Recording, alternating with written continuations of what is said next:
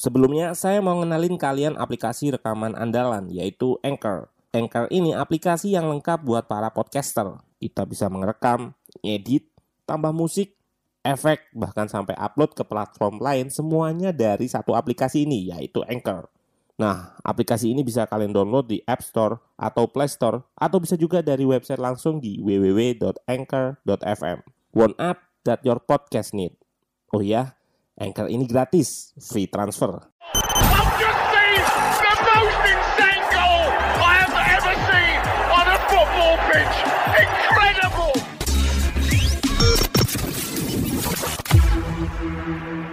Halo, selamat datang di channel Ruang Taktik. Di video kali ini kita akan analisis pertandingan antara Atleti versus Chelsea.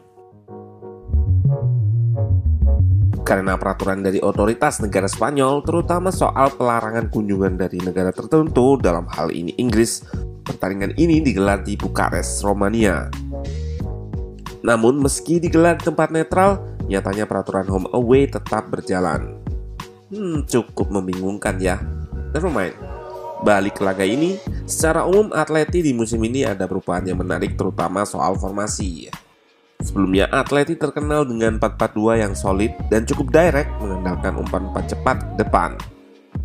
Di musim ini Simeone menggunakan sistem baru berbasis 3 back. Sementara Chelsea kita tahu ada pergantian pelatih yang tentu saja mengganti seluruh sistem sebelumnya. Thomas Tuchel yang menggantikan Lampard juga sama menggunakan 3 back. Kombinasinya 3-4-2-1 atau 3-4-1-2. Dan perbedaannya jelas, dalam waktu singkat, Tuchel bisa bikin Chelsea bermain lebih terstruktur. Yang paling terlihat, Chelsea jadi sulit kebobolan dan cepat sekali merebut bola kembali jika lepas penguasaan atau bahasa taktikalnya counter press. Kita akan bahas lebih detail jalannya pertandingan ini dari sisi taktikal. Let's go, kita bahas sama-sama. Dua tim bermain dengan pakem 3 back, Atleti 3-4-2-1 dan di atas kertas Chelsea juga sama.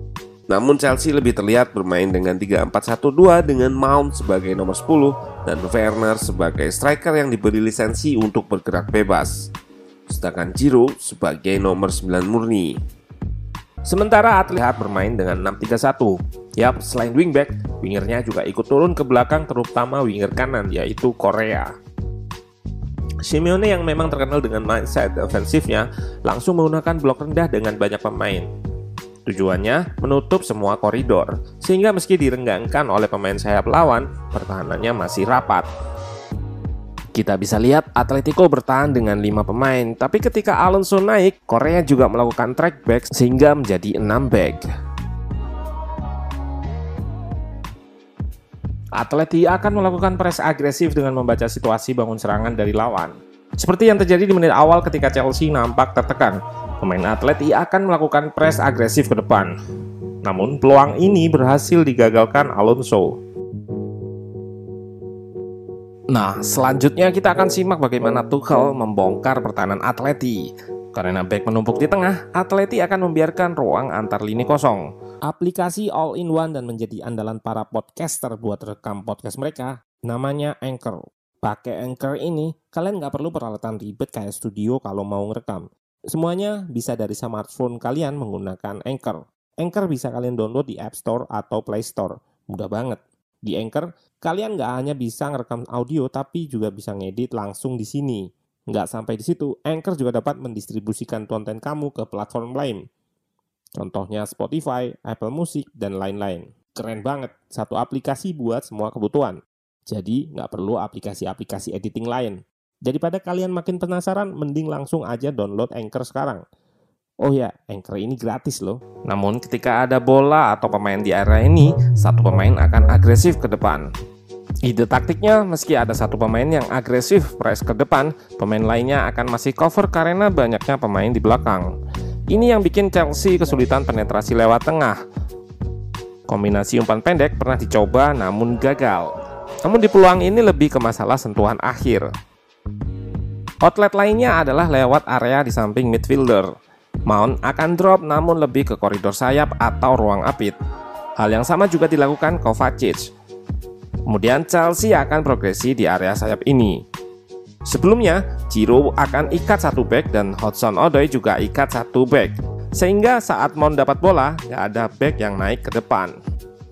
Well, meski berhasil menembus, nyatanya Chelsea kesulitan mencetakkan setuan akhir dari sebuah peluang. Hal ini sama dengan masalah ketika ditahan imbang Southampton.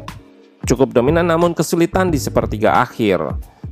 Atleti dengan nambeknya berhasil menahan imbang hingga kurang lebih satu jam, sampai gol tercipta di menit 68. Diawali rebuild up Chelsea ke belakang, mancing pemain Atleti untuk melakukan press agresif. Alonso melakukan bypass pressing ini dengan memanfaatkan Giro sebagai target man.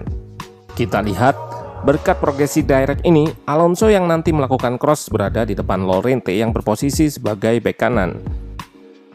Shape 3 back Atleti juga nampak nggak berstruktur, karena mencoba menggagalkan umpan lambung tadi. Saat mendekat kotak penalti, Alonso relatif nggak terkawal Lorente yang sebetulnya bertugas menjaga area ini. Lalu tiga back masih melakukan reshape atau kembali menyusun bentuk pertahanan. Ada gap antara Savic dan Hermoso yang nanti akan dieksploitasi oleh Giroud. Sementara Felipe fokus terhadap Mount. Lalu gol tercipta karena tiga back ini salah antisipasi. Savic dan Felipe salah antisipasi cross, sedangkan Hermoso malah memberi tanda kutip asis ke Giroud. Tidak bermainnya beberapa pilar Atleti membuat game plan Simeone di match ini terlihat pasif. Trippier yang dilarang bermain karena taruhan, posnya diisi Lorente yang tadi nampak lengah ketika naik untuk melakukan press. Memang back sayap ini bukan posisi naturalnya. Carrasco juga absen karena COVID dan Salco juga nggak ada di bench.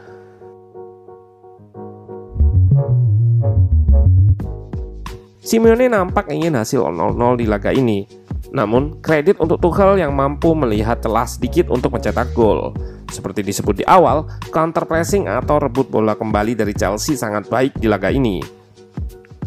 Solidnya skema 3 back Tuchel bikin dia mencatatkan clean sheet kembali. PR-nya ada di beberapa klip awal tadi. Chance creation dan sentuhan akhir untuk menyelesaikan peluang karena secara taktik sebetulnya sudah baik. Tinggal eksekusi dari pemainnya. Bermain jelek? Enggak, namun eksekusi bisa lebih baik lagi. So, sekali lagi, dari beberapa pertandingan nggak ada masalah dengan taktik Tuchel. Untuk terus perform, pemain-pemain mesti bisa eksekusi dengan lebih baik lagi.